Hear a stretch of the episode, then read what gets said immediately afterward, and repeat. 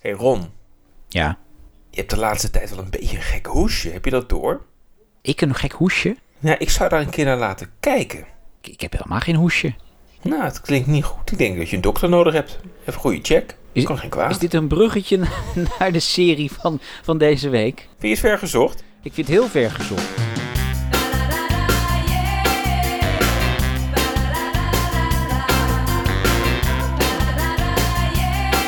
Nieuwe aflevering van Daar bleef je voor thuis. Je kon erop wachten. Nou, en het wachten is ten einde, want hier zijn we dan weer. Ron Vergouwen en... Bjorn Bouwens. En eh, vandaag pakken we weer een parel uit de Nederlandse televisiegeschiedenis beet.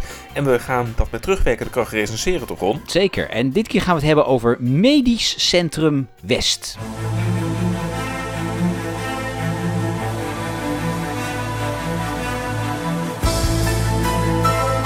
En Simon, ben je alweer Woltering geweest? Eh, ja, de wond ziet er goed uit en eh, ik verwacht geen complicaties. Mooi. Volgens mij is dat een van die kerels die de medicijnkast hebben leeggeplunderd. Vind je niet raar? Nou, om als patiënt en medewerker terug te komen. Maar je bedoelt dat ik nu onder jou kom te staan? Ik hoop dat je daar geen problemen mee zal krijgen. En met jou toch nooit gehad? Oh, Dick, eh, jij wilt eh, patiënten gaan bespreken nu? Waarom? Omdat zij waarnemend hoofd is. En omdat het hoofd van het hoofd, mijn hoofd dus, er vandaag niet zo naar staat. Mevrouw Bos? Hoe is het met de overgangsklachten? Nou, ze is pas nog langs geweest voor controle. Voelt zich prima. Als jij niet ophoudt met die, met die jaloerse instelling van je, weet ik niet of ik nog wel met je wil hoor. Nou, prima. Zijn we toch uitgepraat? Oh, als je dan die tonen weer zo hoort, dan... Ik zit er wel weer in, jij? Ja, dit is wel een van de meest iconische tv-liedjes, tunes, leaders eh, die er zijn, volgens mij. Mag ik daarbij ook wel opmerken dat die ook zo iconisch is, omdat die ook zo lang Hij- is? oh, nou, dat, ik wil dat inderdaad net zeggen. Ja, in die tijd, ja, je kon nog eens even koffie zetten, naar het toilet de hond uitlaten, een betonnen vloertje leggen en dan kon je gaan zitten en dan was die lieder ten einde. Voor mij hadden ze nog niet door dat je dat ook in kon korten in die tijd. Dus het, echt dat hele liedje ging maar door. En nou ja, laat ik het zo zeggen. Je, je zag ook echt al die namen van al die acteurs en alle medewerkers. Echt, het was, eh, die afleveringen van Medisch Centrum West duurden een uur. Maar dat ging al 10 minuten op aan eh, de lieder en aan de aftiteling. Ja, die, die, die aftiteling was inderdaad net zo lang, want er had iemand, en was iemand met een, een helikopter volgens mij wel twintig rondjes rond het ziekenhuis aan het vliegen, om dan die, eh, die, die aftiteling maar in beeld te brengen. Ja, dat was een soort drone van de letteren. Maar rond misschien Medisch Centrum West, ook, ook voor degene bij wie niet meteen een lampje gaat branden. Wat was dat voor eh, serie? Ja, eigenlijk was het de eerste, de eerste soapserie van Nederland, alleen dan wel wekelijks. En het was een ziekenhuisserie en echt de grote doorbraak van John de Mol als tv-producent. En wat er wel speciaal was, dat hij niet, wat op dat moment gebeurde, alle scènes zich niet liet afspelen in een decor, in een tv-studio, maar gewoon echt op locatie. Eh, namelijk op een leegstaande etage van het Zuiderzee ziekenhuis in Almere. Nee, Lelystad. Ja, Lelystad was het. Ja, in Lelystad, hè, want die hadden een net nieuw ziekenhuis geopend. En de bevolking eh, in de provincie Flevoland was niet zo groot dat die capaciteit nodig was. Oh, was Dus dat zo? Dan, Is dat daarom? Ja, dus daarom was het. Dus eigenlijk was dat een beetje op de toekomst eh, gebouwd. Inmiddels is het ziekenhuis trouwens gesloten. Maar je zegt wel iets interessants, hè Ron? Want jij zegt van eigenlijk was het de eerste soapserie. Maar volgens mij presenteerde de serie zich vooral ook als dramaserie. Maar toch was het anders dan wat we daarvoor hadden gezien. En dat zat er niet alleen volgens mij in de opnamelocatie waar het eh, werd gedaan. Dat had vooral ook te maken volgens mij met dat er een soort andere verhaallijnen hier eh, aan bod kwamen. Hè? Zeker, maar ook, ja, het was natuurlijk met alle respect, het was natuurlijk gewoon een, een doktersromannetje. We hebben niet voor een kind gekozen. Maar dat maakt toch helemaal niets uit? Ja, dat maakt wel uit. Ik wil heel graag een kind van je, maar Je carrière. dat begrijp je toch wel? Zo word ik nooit specialist. Maar is dat nou echt het belangrijkste in je leven? Ehm, en wat ook wel anders eh, eh, was in, in de series daarvoor, vooral de verhalen, ja, die waren ook wat minder groots en meeslepend. Want je wist wat er ging gebeuren. Er werd iemand ziek, er werden doktoren op elkaar eh, verliefd en die maakten het dan weer uit. Ja. Er kwamen patiënten dan langs, er waren mensen ook soms relaties mee kregen. En we volgden vooral ook de privéperikelen volgens mij van de artsen thuis. Ja, iedereen had het in eind jaren tachtig over de liefdesaffaire tussen dokter Jan en zuster Ingrid. Als wij nou eens lekker samen met de vakantie gingen. Bij tweeën? Wil je dat echt? Ik wil wel eens weten hoe het tussen ons zit, ja. Jij niet? Ja. Weet je, ik... ehm, ik vind het ontzettend lief. Zoals je bent met, met Christian. Maar... Ja. Dat brengt me een beetje in verwarring. Mark Klein-Essink, ja, later bekend geworden als tv-presentator, heeft daar zijn, zijn doorbraak gehad als acteur. Ja, en hij, zijn tegenspeelster was dus Annemieke Verdoorn, hè, in de rol van zuster Ingrid. Dat was toch een beetje de, de hoofdlijn waarin we honderd afleveringen lang hebben gekeken van hoe gaat het met die twee verder. Ja, en tussendoor moest je dan eventjes eh, worstelen door de affaire tussen dokter Dick en zuster Reini, waar echt niemand op zat te wachten. Maar ja, dat moest er dan ook even tussendoor natuurlijk. En je wil niet met me mee op vakantie in juli? Ja, waarom niet, hè? We zijn toch allebei alleen? Ja, maar het is toch niet 1 plus 1 is 2? Ja, we kunnen toch gewoon als goede vrienden... Ja, ik geloof dat je elkaar wel heel goed moet We kennen. kunnen toch proberen? Nee, Dick. Laten we dat niet doen. En daar was natuurlijk de gemene dokter Erik. Als er niks aan de hand is, waarom heb je dan vanmiddag dat zaakje voor me geregeld? En waarom? Als je me wat vraagt, dan wil ik je wel van dienst zijn. Maar geloof me, Erik, de bak heeft gewoon wat geld achtergehaald. Ja, in Luxemburg. Pas nou maar op, dit hele gedoe kan je je baan kosten. Dit hele gedoe levert mij een vaste aanstelling op. Bij acteur Rob van Hulst, hè, die later ook eh, tv-programma's ging maken over de wallen voor SBS 6. Ja. Dus dat was wel eh, bijzonder. Maar wat, wat in die tijd echt wel speelde, is dat hij dat karakter blijkbaar toch zo geloofwaardig neerzette. dat hij echt bijna niet over straat kon. Omdat iedereen zo'n hekel had aan die dokter Erik, hè, die, die ook nog eens een keer die dokter Jan in de weg zat. Nou, die man die werd verguisd overal waar die kwam. Ja, hij is eh, eigenlijk ook een van de eerste acteurs geweest die zich als een soort hoer door Medialand heeft laten rondrijden van de ene talkshow naar de andere, om maar te laten weten, hé jongens, het is een rol. Rob, was het leuk om jarenlang die gluiper te spelen? Ja, heerlijk. Ik heb er zo van genoten. Zou, zou je kunnen zeggen, Ron, dat, dat die serie dan ook een soort van kweekvijver is voor heel veel talent? Met mensen die we daarna nog op veel plekken hebben gezien? Ja, zeker. Ja, er zijn een aantal van die series. Dan op de een of andere manier is het en succesvol en valt alles op zijn plek met nieuw talent. Eh, bijvoorbeeld, eh, ik kan me herinneren Fort Alpha. Dat was ook zo'n serie waar bijna de hele cast, eh, allemaal talenten, ja, hebben een hoogtepunt gehad in hun carrière. En de Tros eh, kozen ervoor om deze serie uit eh, eh, te brengen. En produceerde dit, of, die, en die, haalde, of die bestelde dit eigenlijk bij een op dat moment nog relatief onbekende producent. Namelijk John de Mol Ja. in zijn beginjaren. Ja, had wel al wat dingen gedaan, maar dit was echt wel zijn grootste productie. En hij heeft ook echt een groot financieel risico genomen met het produceren van deze Het serie. bleek wel echt een ongelofelijke hit te zijn, Ron. Op vrijdagavond, half negen, op de publieke omroep. Ja. echt miljoenen, miljoenen, miljoenen kijkers. Ja, nou, de, ik geloof dat in de toptijd werden de 4,5 miljoen kijkers. eh, de grens werd aangetikt. En dat is tot nu toe een record voor de best scorende Nederlandse dramaserie ooit. Is er nog een iconische scène die jij je kunt herinneren? Ja, maar, maar dat heeft ook een beetje te maken met het einde van de serie, Oh. Ron. Want op een gegeven moment, eh, voor mij dachten ze ook van we moeten op het hoogtepunt stoppen. En dat werd uiteindelijk aflevering 100. En toen dachten ze van ja, hoe, hoe gaan we dit nou eh, tot een einde brengen? En, en volgens mij vlogen toen de scriptschrijvers een beetje aan eh, uit de bocht. Want wat gebeurde er in die laatste aflevering? Daar kwam een virus. Dat is trouwens wel toepasselijk in deze tijd. Er kwam een groot virus en uiteindelijk werd iedereen daardoor besmet. En dat legde toch echt wel een soort van eh, vernietigend eh, effect in dat ziekenhuis Ja, achter. Dus dat, De hele cast ik- ik moest in was- quarantaine. Dick, weet jij zeker dat er besmettingsgevaar is? Dan moet het hele ziekenhuis in quarantaine. Maar wat mij dus bijgebleven is, is... Ik dacht wel van, oh, die scriptschrijvers hebben er wel voor bedacht... we willen eruit met een grote knal. Ja. Maar het, het ontspoorde ook een beetje. Dus dat ben ik wel, eh, eh, is me bijgebleven. Wat ik ook wel geweldig vond, is... is dat mogen we hier denk ik ook wel in dit programma zeggen... is, kijk, Bram van de Vlucht zat hier natuurlijk ook in, hè? Ja. Dat komt dan slecht uit. Ik heb net de uitslag van het bloedonderzoek. En dat is niet gunstig. Als het vindt het beter dat ik weer begin met cytostatica. Nee, eh. En Bram van de Vlucht was natuurlijk echt een begnadigd arts ook in die eh, serie. En we volgden ook zijn privéleven. Hij was vader van een gehandicapte zoon. En die verhaallijn kwam ook regelmatig aan eh, bod. Toen ik Medisch Centrum West keek met Bram van de Vlucht... moest ik ook altijd aan de Goed Heiligman denken. Dat ik dacht van, goh, wat is dat toch wonderlijk... dat de Goed Heiligman toch ook vader is van een gehandicapte zoon... en dat hij zo'n baan in een ziekenhuis nog daarnaast heeft. Dat eh, is er wel bijgebleven.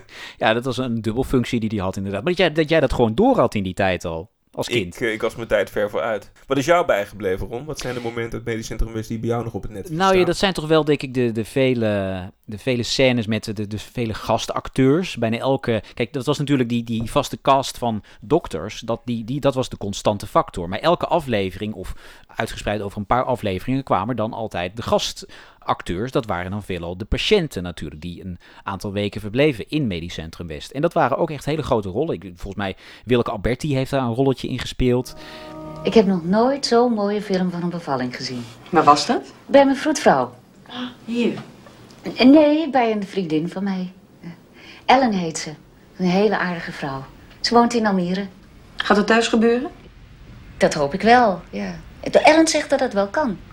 En wat mij ook opviel, uh, dat uh, dit toch eigenlijk wel een van de eerste Nederlandse dramaseries was. Uh, met een toch wel gemeleerde cast als het gaat om uh, achtergrond. Met heel veel mensen met een, een, andere nationaliteit. In die zin was het wel een mooie afspiegeling ook echt wel van de maatschappij wat je terugzag. Hè? Ja. Zoals dat in een echt ziekenhuis ook gewoon is. Dat was wel anders dan andere series ja. waarin dat veel minder aan de aan orde kwam. Ja, er, ja. Zat een, er zat een Indische verpleger in. Er zat een, er zat een, een Turkse verpleger in. Um, wat wel grappig was trouwens, dat die, die, die Indische verpleger, dat was een vaste rol, hij heette Guus in de serie. Dat was een, een, een, een homoseksuele verpleger. De Tros wilde expliciet een, een homoseksueel karakter in die serie, omdat ze vinden, uh, nou ja, dat hoort er gewoon bij. En daar werd ook verder helemaal geen rugbaarheid aan gegeven. Aan de ene kant vond de homogemeenschap het fantastisch dat er eindelijk eens een, een, een homo in een serie zat waar niet te veel gedoe mee was. Wat heel grappig was, na een paar jaar werd er een soort onderzoek gedaan onder tv-kijkers.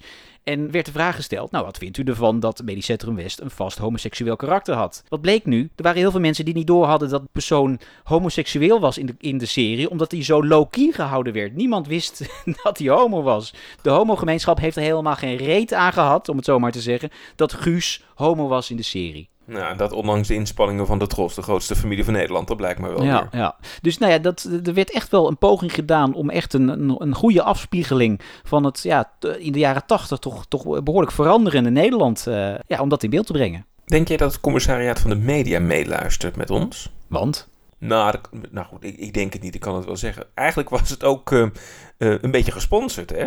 Ziektes die een beetje onbekend uh, waren. Of er was ook de Hartstichting, die vond het toch ook belangrijk om eigenlijk de, het publiek voor te lichten met dat je een beetje gezond moet, uh, moet eten en een beetje moet sporten en dat dat anders effect heeft op je hart. En dat werd dan soms niet al te best overigens, gewoon als verhaallijn dus opgenomen in de serie.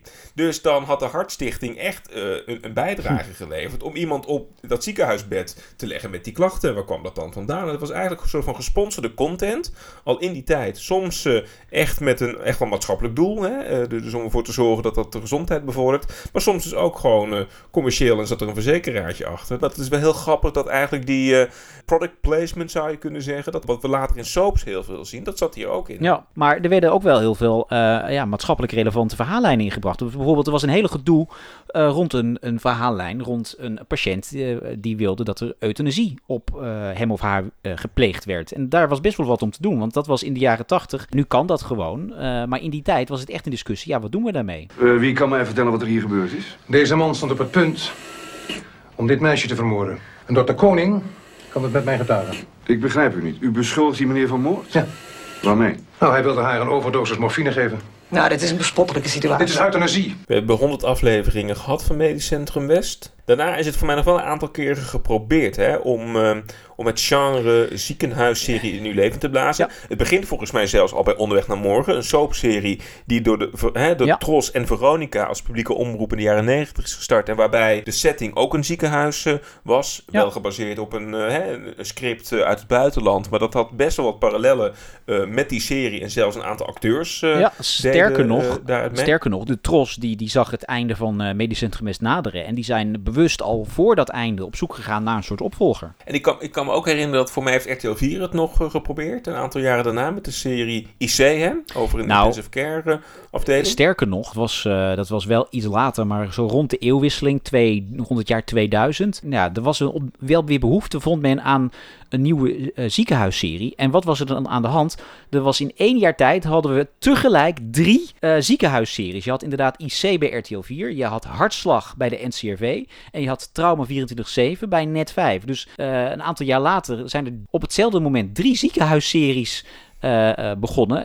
Maar ja, die zijn alle drie weer na één of twee seizoenen rukzichtloos voor de buis verdwenen. Omdat het, ja, het, het sloeg toch niet aan. Mensen vonden dat het niet kon tippen aan, uh, aan Medisch Centrum West. Het werd lange tijd stil totdat RTL het uh, twee, drie jaar geleden weer opnieuw probeerde met de serie Centraal Medisch Centrum. Wat ook zelfs qua titel ja. wel uh, veel parallellen vertoonde met deze klassieker. Ja. Maar ook qua opzet erg inderdaad geleend heeft bij het grote succes uit de jaren 80 zouden we kunnen zeggen, toch? Ja, wel een stuk sneller. Want ja, als je nu Medisch Centrum West terug zou kijken. Het is een aantal jaar geleden ook helemaal uitgebracht op, op DVD. Die serie die was echt heel erg traag in die tijd. Dat waren hele lange scènes. En er zaten ook hele ingewikkelde woorden in van uh, al die, die ziektes die mensen hadden. En de, de medicijnen die voorgeschreven moeten worden. De, de, de, de, acteurs hadden soms ook geen idee wat voor teksten ze oplazen. Maar het klopte allemaal wel. Want er zat een, een team van medisch specialisten zat mee te kijken met de scripts. Nou, we gaan je uitgebreid medicamenteus behandelen. Je krijgt een cedokaart, je krijgt een beta-blokker. Bij auscultatie van de longen, linksboven voor. Bronchiaal ademen met enkele crepitaties. Ik heb goede hoop dat we wat kunnen doen met een combinatie van vincristine en cisplatina. Waarom geef jij de voorkeur aan een pneumectomie? Hoe is het met je zoon?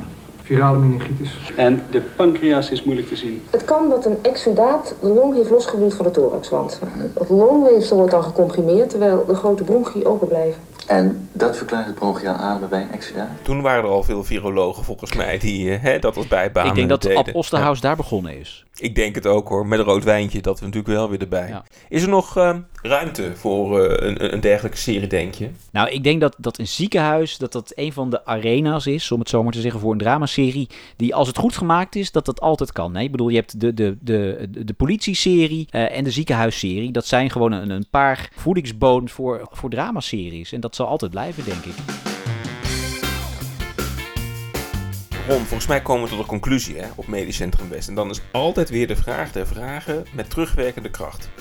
Ja, hoe zou je dit programma waarderen? Hoe belangrijk is dit geweest voor de Nederlandse televisiegeschiedenis? En heeft het de tand destijds een beetje er staan of helemaal niet? Ja, nou, ik heb natuurlijk toch een beetje het gevoel dat ik heb natuurlijk zoveel sterren weggegeven afgelopen uitzendingen dat ik het gevoel heb dat ik nu een beetje zuinig moet zijn. Maar goed, even uh, objectief kijkend. Het is niet een hele goede serie, maar het heeft wel wat teweeggebracht in de, in de tv-wereld. Er is heel veel talent uit voortgekomen. Uh, het heeft een soort basis gelegd voor de eerste echte soapserie. Goede tijden, slechte tijden, die uh, redelijk snel daarna begon.